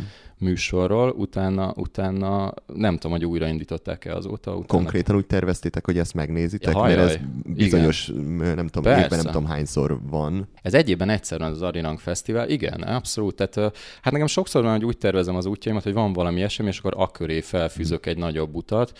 Most nem állítom, hogy csak ezért mentem el a Transzibéri vasúttal, csak így, hogy észak mikor menjek, filmek ezen a nagy úton, abban nagy szerepet játszott, igen, mikor van ez a fesztivál abszolút. De ilyen volt most, amikor voltam Kazaksztánban, az az egész fél évvel előbb kezdődött a szervezés, mert kinéztem, hogy mikor van rakéta fellövés Bajkonúrból, és akkor erre lett felfűző az egész út. Szóval Észak-Koreában ez az Arirang Fesztivál, ez úgy néz ki, hogy hatalmas stadion, és tízezer szereplő. Tehát egyrészt van a, az egy, a stadionnak az egyik oldala, vagy hogy hívják ezt, tehát a, a néző, néző. egyik né, lelátója, azon, azon gyerekek vannak, de szerintem kb. 5000, szóval nagyon sok, és ilyen, tá, ilyen színes táblákat nyitogatnak, csukogatnak, attól függően, hogy milyen hatalmas motivumot kell kirakni. Hát szóval egyszerre félelmetes. Grandiózus, valahol. és nincsenek Grandiózus. szavak, hogy amivel le lehetne írni? Hát vannak szavak, vannak szavak, tehát most hogy mondjam, engem nem hatott meg olyan értelemben, hogy most hú, de hatása alá kerültem volna, de hát nagyon grandiózus. Tehát, hogy ennyi pici emberke kirak ilyen nagy motivumot, ami nyilván a vezetőket dicsőíti, és a, és, és a fantasztikus boldogságot, ami Észak-Koreában tapasztalható. És akkor ehhez társul, hogy lent a, a, a gyepen, ott pedig rengeteg táncos ad elő mindenféle hát ilyen koreai történelmből vett ilyen balettszerű dolgokat, vagy pedig, vagy pedig így vonulnak ilyen formációban jobbról balra, kisgyerekek szaladnak, ők is táncikálnak, szóval ilyen, ilyen nagyszabású valami. Tehát nem azt mondom, hogy most hú, de a hatására kerültem, inkább azt mondom, hogy egy, egy nagyon érdekes valami. Sok külföldi volt? Nem volt sok külföldi, de ez egy másik tévedés, ami sokszor előkerül, hogy hát észak nem lehet bejutni. Tehát már eleve a szóhasználat nagyon érdekes, hogy tőlem is mindig azt kérdezték, hogy hogy lehet bejutni. Ugye bejutni, mint ige... Be, befizetsz egy túrára, nem? Vagy egy utazási bejutni, az egy, az egy olyan ige, ami Igen. azt feltételezi, hogy hát ott amúgy nem lehet bemenni, oda csak jutni lehet. Igen, észak úgy lehet bejutni, hogy az ember befizet egy túrára, úgy lehet bejutni. Uh-huh. Vagy be, ha, ha, ha csak nem diplomáciai, vagy, vagy ilyen segélyszervezeti formában megy. Mennyire drága? Hát nem olcsó, nem olcsó.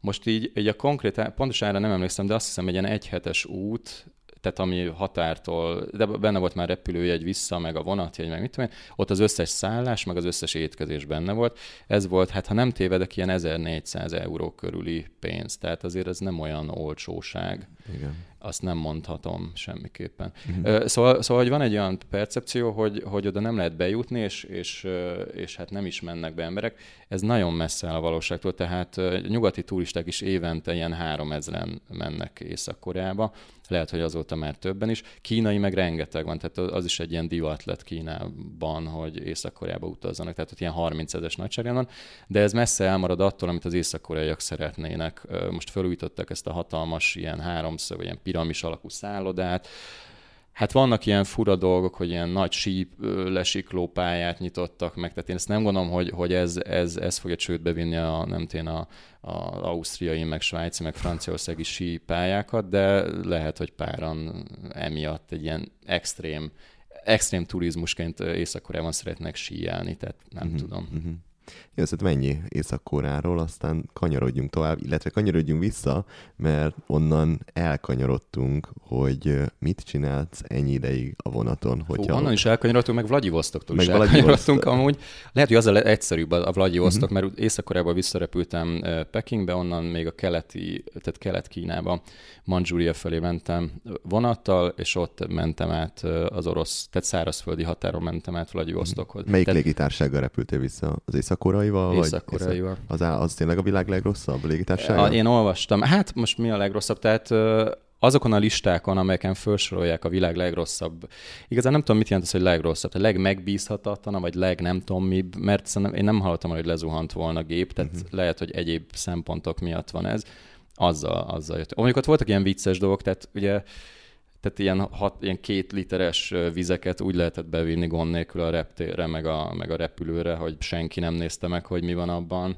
Hát, mondjuk elég nehéz lehet neked bármilyen bombát ott összevásárolnod Észak-Koreában, nem? Már eleve. Oké, okay, igen, erre nem gondoltam, de hát ugye Európában, meg a világ más részein ebből hatalmas hiszti van, igen. hogy most uh-huh. van-e nálam folyadék, és az be... Amit sosem értettem, te tudod, hogy miért kell műanyag zacskóba belerakni, még egy külön műanyag zacskóba a, a, a folyadékokat? Hát, hogy meg tud mutatni.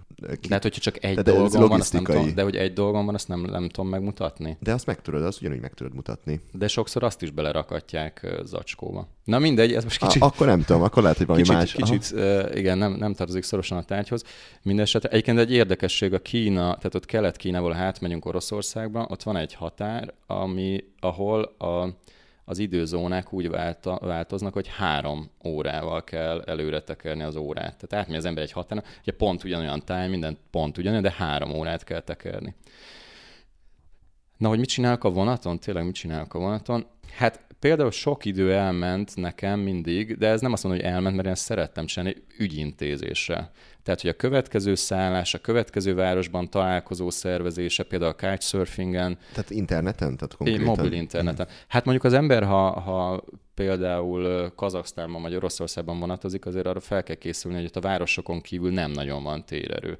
És ugye nagyon hosszú szakaszokon megy a tajgán a, a, vagy a sztyeppén a vonat, akkor ott nem lesz térerő. Tehát ilyenkor az ember már érzi, hogy lassít a vonat, akkor arra lehet következtetni szerencsés hogy jön egy város, akkor hú, gyorsan elő a telefont, a repülőmódot kikapcsolni, hogy ne, ne egye addig is az áramot, és akkor, és akkor ott például egyik az ilyen ügyintézés volt. De például az ilyen városokban nem pont az, hogy végre valahol megállunk, akkor le lehet szállni, veszek végre kaját, sört, stb.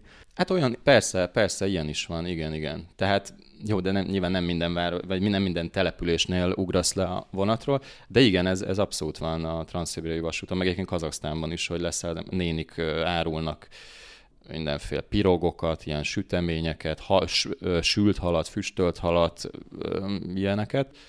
Úgyhogy, úgyhogy ez, is, ez is jó, és hát a beszélgetések persze, tehát, tehát nagyon sok emberrel találkozom így vonatozás, vagy általában utazás közben, és akkor azok nagyon érdekes dolgok. Hát nyilván sok esetben ők is érdeklődőek, hogy mi honnan jöttünk, akkor na, például volt Szovjetunióban rendszeresen előjön, hogy a magyar, mint szó, az egy csomó asszociációt beindít. Az idősebb generáció az elkezdi mondani, hát ott van egy, egy másik eset, hogy ja, ott voltam katona. Tehát például az egyik variáció, aminek hogy egyrésztről hát örülünk, meg tök jó, hogy van, van így kapcsolat, csak hát mondjuk az alkalom az nem volt annyira jó, hogy ez a Magyarország szovjet megszállása kellett, de, de ezek az emberek szeretettel szoktak beszélni Magyarországról, uh-huh. hogy ők fú, elvitték őket Borozóba, meg nem is tudom, az egyik Azerbajdzsánban találkoztam egy piacon egy emberrel, de nem, tehát nem Bakuban, hanem Mingacsevir nevű kisvárosban, ahol megint csak nem számít arra az ember. Egyből körbevettek, és akkor honnan jöttem, Magyarisztán, ugye Magyar azon a nyelven is Magyarország, és akkor oda jött egy fiú, fú, hát ő volt Magyarországon, Balta, az meg, Balta, megy a Balta, az mint Balta, török. Mint amivel üt, vagy üt, hát amivel igen, hasogatod igen. a fát. Aha, így van, tehát a balta, az ugye türk nyelveken is balta, uh-huh. az alma, az is például azeriül, kirgizül, kazahul, stb. az is alma, stb. És akkor ő is elmondta, hogy ő Magyarországon volt katona, vitték ide-oda, és milyen szuper volt. Tehát ez az egyik típusú beszélgetés, nagyon sok ilyen van, vagy ha nem ő, akkor a, akkor a bátyja, meg a apja, meg a nem tudom, volt olyan, Jekaterinburgban beszélgettem valaki, aki mondta, hogy neki élete első farmere az Magyarországról érkezett, és iszonyú menőnek gondolta, ez már 70-es, 80-as években volt. Hova jutottunk? Például, a magyar például, farmer a menő. Azt nem is tudja az ember, ember igazából manapság, hogy, hogy micsoda nagy magyar kulturális uh, kibocsátás volt a Szovjetunió irányában. Nagyon nagy. Tehát, tehát megy az ember az úton, és akkor, és akkor kiderül, hogy magyar, akkor egy csomóan, az Icarus, az abszolút egyből jön, a Globus konzerv, az egy másik, ami szokott jönni, és énekesek, magyar dalok. Tényleg. De olyan szinten, egy ilyen megható pillanat, egy több megható pillanat is volt, például pont ez az ember, aki az előbb mondtam, Jekaterinból elmesélte, hogy az első farmere Magyarországról volt, és akkor azt mondta, hogy hát a zene, hogy ő nekik a, a, a Lakamatyív GT, az, az egy hatalmas... Lakamatyív GT, az egy hatalmas dolog volt, és az Amiga, Amiga együttes... És magyarul hallgatták őket? Magyarul hallgat. Hát ugye voltak olyan együttesek, amelyek csináltak orosz verziókat is, de ezeket nem, ezeket magyarul hallgatták. De mondjuk Kós János, ő énekelt oroszul, van, lemezeit is kiadták, és hatalmas sztár volt, vitték körbe az egykori Szovjetunióban. De például Kazányban is leszálltunk a vonatról, magyarok, igen, és akkor Katyi Kovács, Katyi Kovács, ott egyből mondta valaki. Szóval a zenék, és akkor én mondtam neki, hogy akkor énekeljen már valamit. És akkor elkezdett dúdolni valamit, hogy már sohasem, sohasem tádám, páradadan, daradan, dar, nem tudta a szöveget, és akkor gondolkodtam, ez micsoda, és így, így napokig zakatolt a fejem, hogy ez mi, és egyszer Novosibirskben jártam már, tehát a, a vonaton, és beugrott, hogy ez Demjén Ferenc énekelte, hogy már sohasem, sohasem kérlek, már egyedül, egyedül élek, már de, de stb. És akkor fú, szuper, gyorsan kikerestem a YouTube-on ennek egy régi felvételét, hogy koncerten, ilyen nagyon vicces ruhában a Demien Rózsi uh, ugrándozik, és ezt énekli, és elküldtem, ugye megvoltam az e-mail cím ennek az orosz uh, barátomnak, és az volt az érdekes, hogy ő angolul beszélt uh, velem, mert elég jól tudott angolul, viszont erre oroszul válaszolt erre az e-mailre, ami szerintem azt jelenti, hogy nagyon megérintett és nagyon őszinte volt, és azt írta, hogy, hogy hát ha érted, akkor most itt ülök a szobámban, és sírok. Az szép. Tehát ezek egy nagy dolgok. Uh-huh. Tehát ugye ez neki ez volt a fiatalkora, ezt, ez a, ez a magyar zenészek, nyilván nem csak a magyar, persze ez az is kellett, hogy az amerikai zene ne jusson el Amer- ö, Oroszország vagy Szovjetunióban. Uh-huh. De szóval ezek nagyon, nagyon... Egyébként Mongóliában, egy jurtában is beszélgettem, uh, Ulánba, ez nem Ulánbátoron, ott vidéken volt, de Ulánbátori értelmiségivel, aki mondta, hogy hát ők gimnáziumban csináltak uh, zenekart, és omega számokat játszottak Mongóliában. És hogy, hogy ezt, ezt így el, hogy hova jutottunk innen, amikor Jekatyerin, szintén Jekatyerin egy fiatal uh, sráccal beszéltem, aki egyébként valami valóságsóban is szerepelt, valami celeb Oroszországban, csak ugye ezt, ezt, erről nem értesültem, de egy nagyon jó fegyerek volt, és akkor őtől is kérdeztem, hogy mi jut eszébe Magyarországról. Pornószínésznők. Uh-huh. Hát az világ minden táján kb. Igen, de szóval generációs váltás. Az Ikarusból eljutunk Kovács Kati a... után. Kovács Katitól, nem tudom, Michel Wildig, tehát igen, ez egy tágspektrum. Uh-huh. Általában ezzel kezdődik a beszélgetés, hogy hon, honnan jöttél? Egyből elhelyeznek, hogy akkor miről lehet beszélni? Igen, ez országtól függ, de például az egész Szovjetunióban, tehát igen. Honnan jöttem, hány éves vagyok, házas vagyok-e, hány gyerekem Ezek van? miért fontosak? Nem, tehát ők ezzel helyeznek így el téged a térképen. Igen, de, de valahogy mindig ez van. Tehát az összes beszélgetés kb. ezzel kezdődik. Hát főleg mondjuk ilyen vidéki területeken ott különösen, de ez egy jellemző dolog. És ugye ez nem az a honnan jöttél, ami egy csomó országban azért megvan, ami engem borzasztóan idegesít, ilyen turista helyeken, amikor jönnek onnan, hogy where are you from, where are you from, mert ugye valamit el akar nekem adni a következő Igen, mondatban. És megtanult egy mondatot, és vagy egy szót magyarul, ez, és igen. akkor mondja neked. Igen, ez borzasztóan idegesítő, de, de most az ember ilyen vonaton hosszú távon utazik, akkor, akkor nem, ez, ez nem, uh-huh. nem ez a helyzet, hanem őszinte érdeklődés. Uh-huh. És van olyan tapasztalatod, hogy melyik országban, vagy melyik nép az, aki kezdeményez, vagy aki nem inkább kicsit szégyellősebb, és akivel neked kellett többet kezdeményezned? Hát erre nehéz, nehéz válaszolni. Vagy nincs ilyen, nincs ilyen én, általánosítás? Én nem, hát nem tudom, hogyha úgy vetődik fel, hogy hol barátság talanabbak talán az emberek, nem, nem tudom. Persze volt olyan, hogy én, tehát én, oké, okay, most jobban belegondolok, azért sokszor volt az, hogy én töröm meg a jeget, hogy én szólok oda valakinek, és onnantól viszont ő nagyon. Ha már látja, hogy te igen. mondjuk tudsz valamit oroszul, úgy szóltál hozzá, akkor már mernek. Igen, de ebben voltak ilyen teljesen, például mentem ki ebből Harkovba egész konkrétan, és ott mellettem ült egy egyébként elég csinos lány, és akkor gondoltam, hogy valami, hogy veszek magamnak egy, lehetett venni, vagy jöttek a kocsival valami italt, és akkor hogy megkínálom belőle.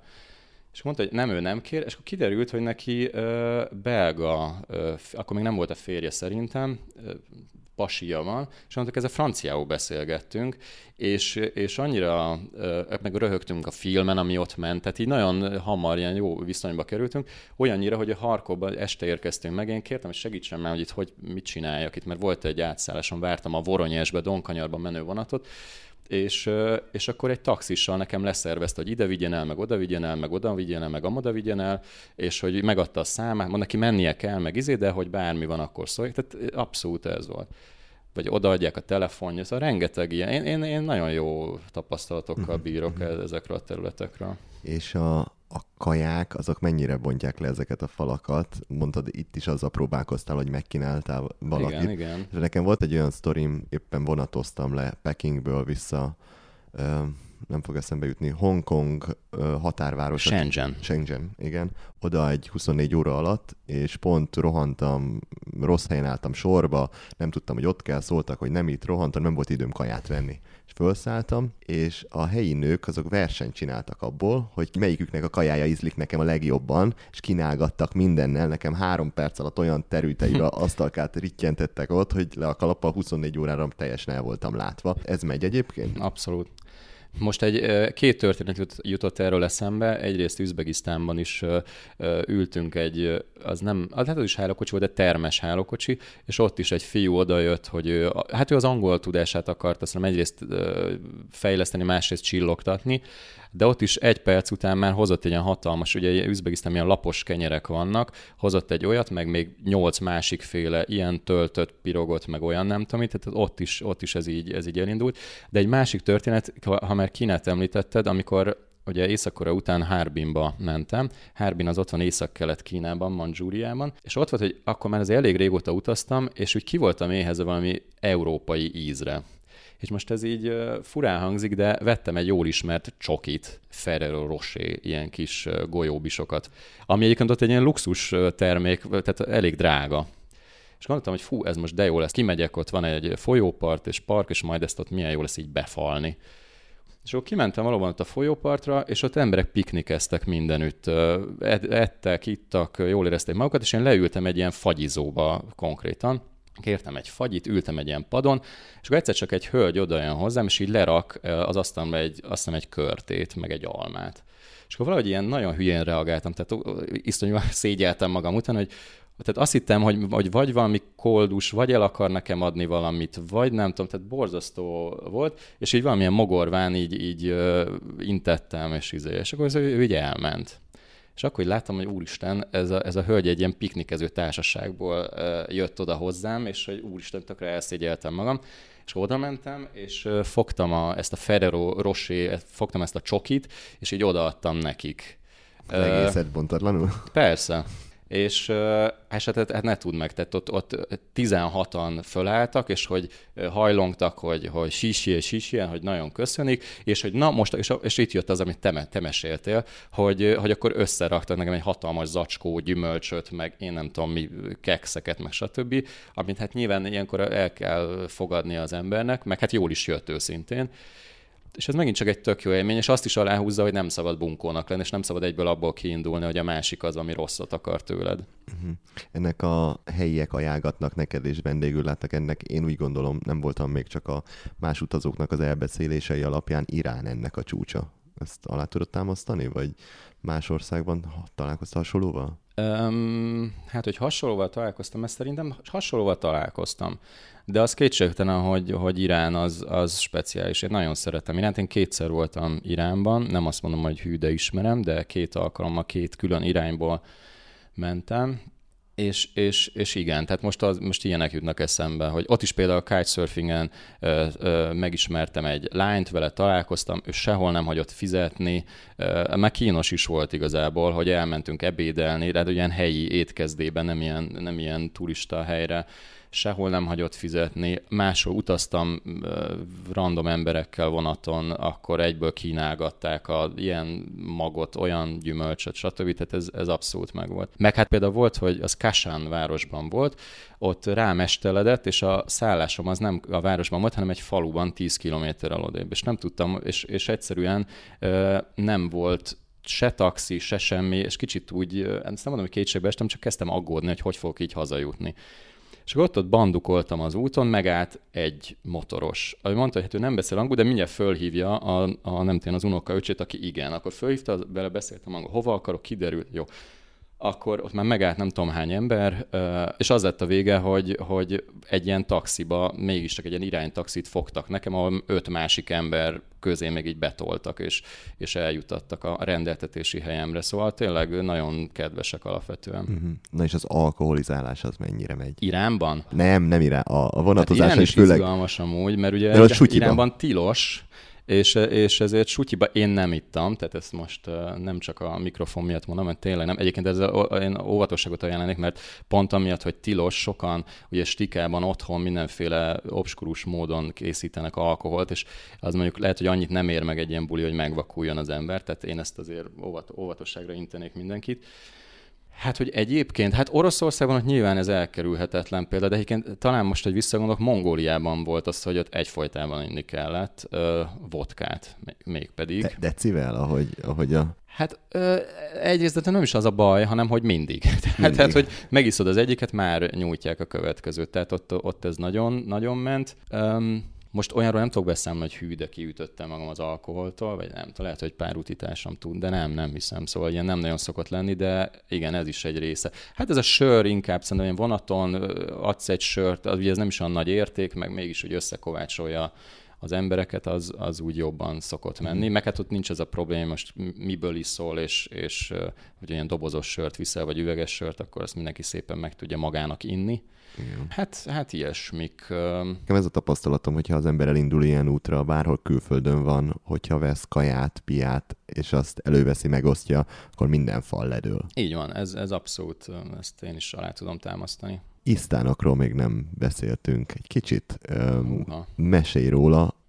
Jó, hát Isztánok közül, ahol én voltam, tehát nem voltam az összes Isztánban, például Afganisztánban nem voltam, meg Pakisztánban sem, még egyébként szeretnék, és, és uh, Tajikisztánban nem voltam, ugye volt Szovjetunióban öt hmm. Isztán van, Kazaksztán, Kirgisztán, Tajikisztán, Üzbegisztán, Türkmenisztán egy ilyen, egy ilyen csiga vonallal névsorban leírhatók. Ebből Tajikisztánban nem voltam, és ugye a másik négyben meg az a közös, hogy azok türk nyelvű, vagy török nyelvű országok. Tajikisztán az nem, az perzsa ö, nyelvű, legalábbis annak egy nyelvjárását beszélik. Hát én szeretem ezeket az országokat, tehát nagyon nem egyformák, tehát például Türkmenisztán arról is híres, hogy hát van-e a, most Berdi Mohamedovnak hívják az elnököt, és hát ő azzal szokott szerepelni a sajtóban, hogy éppen nem tudom, lovagol, vagy ének, most újabban azt szokott mondani, hogy DJ-skedik, és énekel és zenél, Persze ezek úgy vannak összevágva ezek a klippek, hogy csak azt látod, hogy messziről, hogy ő valamit penget, vagy valamit billentyűzik, de közelről mindig. Érdekes módon, amikor a kezet is látod, akkor a fejet nem látod hozzá, tehát azért erre odafigyelnek.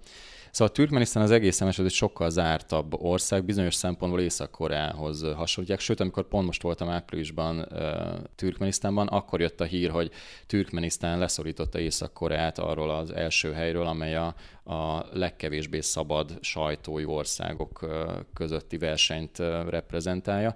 Tehát az egy nagyon centralizált és, és vezérelt ország. Kazaksztán, hát hogy mondjam, mindegyik azért egyik sem vehető nagyon nyugat-európai liberális demokráciának. Uh-huh. Kirgizisztán szokták úgy mondani, hogy az, az a relatíve legszabadabb ország, de azért minden országban előfordulnak elég csúnya dolgok, ellenzék elleni fellépés, bebörtönzések, stb. De ugye hát ezzel, ezzel utazóként nem nagyon találkozunk, Szerinted miért van az, hogy ezek az országok nem olyan közkedveltek az utazók körében?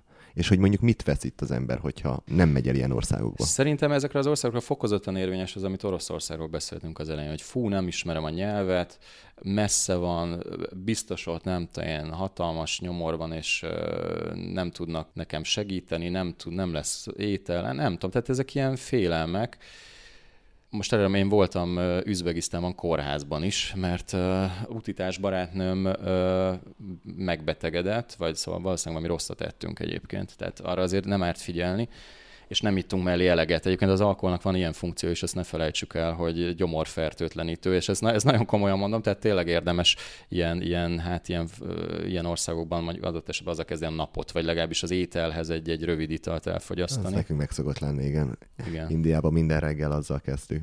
Igen. Megfejeztük be. Igen, de ez szóval pusztán egészségügyi okokból is indokolható.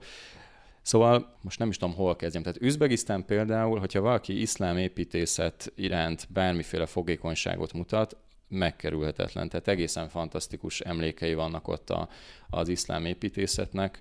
Ugye Buhara, Hiva és Samarkand, ezek olyan városok, amelyek, tehát ha az ember rákeres a, a neten, és az egyből bejövő képekből le lehet szűrni, hogy ezek micsoda mhm. fantasztikus mm. helyek. Tehát akkor itt építészet. Hát például, de hát az ételek is, az üzvékkonyha egyébként az egész régióban híres, tehát hogy valaki saslikot szeretne enni, tehát ilyen nyása húzott hús készítményeket, akkor ebben például nagyon erős, zöldség, gyümölcsben nagyon erősek ezek az országok, nyilván főleg azokban a szezon, tehát nyáron, illetve ősszel, amikor, amikor ezek teremnek nem tudom, de szerintem önmagában sokszor a, maga az utazás izgalmas. Tehát nem, a, nem az az izgalmas, hogy ott milyen épületet, meg múzeumot látok, hanem, hanem ott is, hogy látod hogy az emberek hogy élnek, hogy ö, ö, közlekednek, mit csinálnak. És például Üzbegisztánban volt az a történet, az a Fergana völgyben volt, ahova tényleg elég kevés turista megy. Couchsurfingen megismertem egy lányt, aki elvitte egy bazárba, ott segített vásárolni, elvitt ilyen ájranivó helyre, tehát ugye ezt a joghurtos italt, ahol az útszélén isszák. És a legjobb élmény vele kapcsolatban nem is ez volt, hanem meghívott vacsorára minket magához, illetve a szülei házába. És és ott volt apuka, anyuka, csináltak hatalmas plovot, ugye ez is egy tipikus üzbég, és erre a régióra jellemző étel, hát gyakorlatilag ilyen rizses hús, de nagyon finom, és vannak benne adott esetben mazsola, meg fokhagyma, meg itt nagyon finom.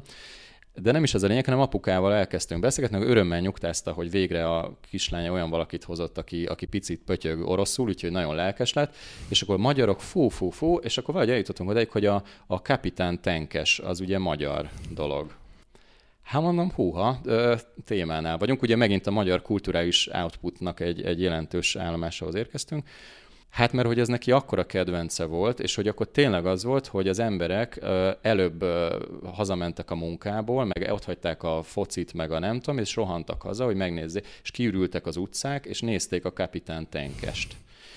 És tehát ez ilyen, ilyen, ilyen elég érdekes. És ugye ez Fergán a völgyben vagyunk, tehát most meg nem mondom hány kilométer, nagyon messze, tessék megnézni. Sőt, Fergán a városban, Fergán a völgyben egy Fergán nevű város, ez ott volt, nagyon messze, és akkor arról beszélgetünk, hogy Zente Ferenc, kikerestem a, a neten Zente Ferenc képét, mutattam neki, hogy fú, hát igen, igen, öreg, hát igen, jó, hát öregebb lett ugye a 60-as évekhez képest. Sőt, kikerestem a, a videó, vagy egyszer csak anyuka az nagyon pörgette ott a, az internetet, és ő kereste ki, mert mondtam, hogy ez fönn van a neten, tehát szerintem orosz hangalámondása is meg. Egyből meg is találták, elkezdtek nézni, és hát tehát konkrétan könnyek szöktek a, a szemükbe. Főleg, főleg a, a, a bácsinak.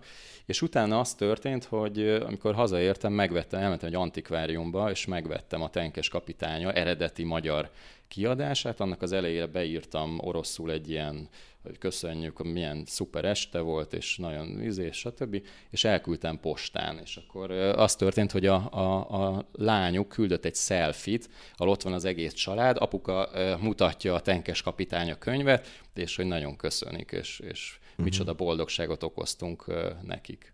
De úgy látom, hogy neked is egy kicsit könnyek szöktek a szemedben.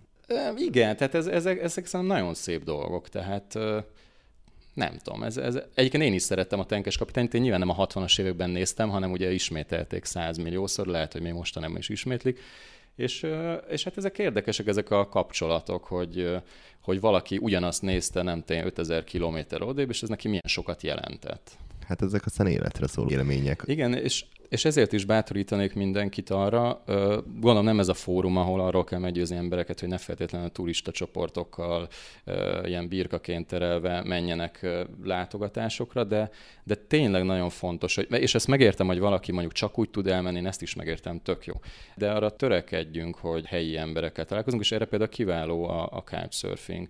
Tehát én például nem nagyon ritkán volt, hogy ott is aludtam couchsurfinges partner, egyébként pont a Donkanyarban aludtam egy családnál, de, de arra, hogy találkozókat megszervez, de én leve úgy is szoktam bejönni, hogy itt leszek ebben és ebben a városban, és, és nem kell szállást, viszont szívesen találkoznék veled, mondjuk, hogyha így, így közvetlenül.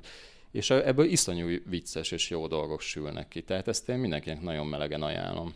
Igen. Te is egyébként itthon fogadsz vendégeket? Fú, most erre azt kéne mondanom, hogy igen, igen. gyakran, de az igaz, hogy nem. Tehát ez, ez tény, hogy ez egy, ez egy hiányosság. Én, de én úgy vagyok beállítva, hogy találkozásra elérhető vagyok. Tehát, mm-hmm. hogyha valaki megtalál engem és rám ír, volt már egyébként ilyen, hogy, hogy rám írtak, akkor én, én szívesen találkozom bárkivel egy, egy érdekes beszélgetéssel. Én ez nem az erősségem, ezt elismerem, hogy a, hogy a lakásomban aludjanak mások, mint ahogy én sem feltétlenül szívesen alszom így másnál. De ez ilyen egyéni dolog. Én időmből kifolyólag kevésbé, sőt, már nem is tudom hány éve nem használtam, de volt olyan időszak, amikor nagyon aktívan fogadtam vendégeket, amikor éppen nem tudtam utazni, mert nem volt szabadságom, vagy bármi okból kifolyólag, viszont akkor ők jöttek, és ők hozták el a saját kultúrájukat hozzám az én lakásomba. Így van, ez, ez szuper, és ugye főleg annak, aki ö, akár családi körülmények, akár anyagilag, bármi okból nem, nem tud annyit utazni, ez, ahogy te is mondod, ez egy, ez egy nagyon jó ilyen kultúra közi élmény lehet.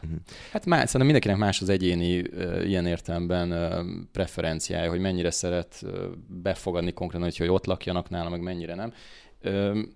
Én inkább annak a hívő vagyok, hogy találkozzunk és beszélgessünk bármikor, szuper, de én úgy általában itt meg szoktam állni. Viszont ez a podcast tökéletes fórum arra, hogy kicsit a keleti, kelet felé utazást népszerűsítsük, és akkor ezzel zárnám, hogy miért érdemes elindulni bárkinek kelet felé, ahelyett, hogy nyugatra menjünk, mert általában azt tapasztalom, hogy mindenki nyugatra szeret utazni. Vagy inkább mondjuk ez a dél-kelet-ázsiai régió, de ez a volt Szovjetunió tagállamok, ez valahogy ilyen sötét volt. Igen, tehát meg, megmondom őszintén, nekem a Dél-Kelet-Ázsiáról sokszor már nincs annyira jó tapasztalatom. Tehát ahova, hogy a, tehát ahova mindenki megy, az ne, nekem alapból egyfajta ilyen averziót okoz. Tehát én, én, én nem, nem szeretem ezt az elturistásodást, meg nem szeretem azt, hogy, hogy minden egyformává kezd válni. Tehát aki csak ilyen hostelekben, mert ez is egy, egy divatos utazási forma, hogy csak hostel és csak nemzetközi környezet.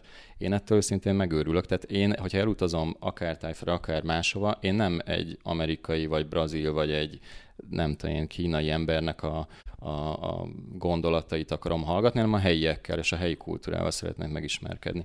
És nem mondom, hogy Tájföldön nincs ilyen, de meg én Tájföldön keveset voltam, tehát félreértés ne essék. De azt gondolom, hogy pont ezekben a volt szovjet köztársaságokban, vagy ugye tágabban értelmezve Iránban, közel-keleten, Kínában is, Mongóliában, ott, ott ennek sokkal nagyobb tere van, hogy, hogy ne turista helyekre menjen az ember, ne turista programokon vegyen részt, hanem tényleg szabadon, egyénileg utazhasson, és, és valódi dolgokat lásson, és valódi emberekkel ismerkedhessen meg. Másrészt szerintem számomra legalábbis az is fontos, hogy, hogy történelmi kapcsolatok vannak. Tehát például most nagyon érdekes kutatások vannak ugye a magyarság ős történetével is kapcsolatban, elég új információk jönnek mostanában elő, de ettől függetlenül is ez kétségtelen, hogy a magyarságnak ahhoz valami köze van és hát sokszor volt köze, tehát most vannak ilyen kevésbé kellemes közök is, hogy a szovjet megszállás, vagy, a, vagy az orosz, ö, oroszok általi leverése a forradalomnak, stb. Szóval hogy sokkal közelebb van kulturálisan hozzánk szerintem ez a régió, Öm, és ebből szerintem sokkal izgalmasabb a saját magunk megértése szempontjából is ezekben az országokban ellátogatni. Tehát Tájföldnek, meg Dél-Afrikának, meg akár Dél-Amerikának sok köze Magyarországhoz nincs, és nekem ez így fontos szokott lenni. Dél-Amerikában ezt hozzá nem voltam, és nagyon szeretnék menni, tehát most nem ezt akartam ebből kihozni, de ezek, ezek, a, ezek a keleti országok nekem, nekem egyelőre sokkal izgalmasabbak. És hát ahogy mondtam is, hogy Nyugat-Európában én már voltam, elég sok helyen, szóval gyakorlatilag mindenhol kis túlzással, és ezért engem az most már kevésbé vonz. Uh-huh. Úgyhogy mindenkinek nagyon ajánlom, hogy legyen nyitott, tehát nem akarom megmondani senkinek, hogy hova menjen, de mindesetre legyen nyitott, és próbáljon szerintem, ha egy jó tanácsom lehet, kicsit felszabadultan gondolkozni ezekről az országokról, és próbáljon nem hinni a, a, az előítéleteknek, vagy, a, vagy a erről szóló negatív sztereotípiáknak. Szuperül lehet utazni Kazaksztánban is, Oroszországban is. Lehet vonatjegyet venni online, lehet orosz nyelvtudás nélkül is boldogulni, és így tovább. Szóval menjen mindenki. Szerintem még tőled is fogunk jó sok élményt hallani és látni blogodon keresztül erről a vidékről, ezekből az országokból. Hol tudnak téged követni a hallgatók? Jelenleg a Facebookon vagyok aktív, relatíve, tehát igyekszem, igyekszem tartani a lépést. Itt pedig a hogyha ez beírja az ember, hogy a keletiből Hongkongba, így egyben, akkor meg fog találni. Én köszönöm szépen, én nagyon élveztem. Nagyszerű, én is élveztem, köszönöm szépen a lehetőséget. Sziasztok! Hello! A befektetett munkámért cserébe szeretnék egy értékelést kérni tőled, amit megtehetsz az Apple Podcasten, a csatorna aljára legörgetve, vagy Facebookon, az Utazási Podcast oldalán az értékeléseknél. Azzal is sokat segíthetsz nekem, hogyha barátaid és ismerőseid körében is terjeszted a podcast jó hírét. Ha esetleg nekik még új ez az egész műfaj, akkor pedig segíts nekik abban, hogy hogy és hol tudnak rám találni. Ha még nem tetted volna, nyomj egy feliratkozás gombot kedvenc podcast lejátszódban most. Mint mindig köszönöm a figyelmeteket, engem Mátai Andrásnak hívnak. Sziasztok!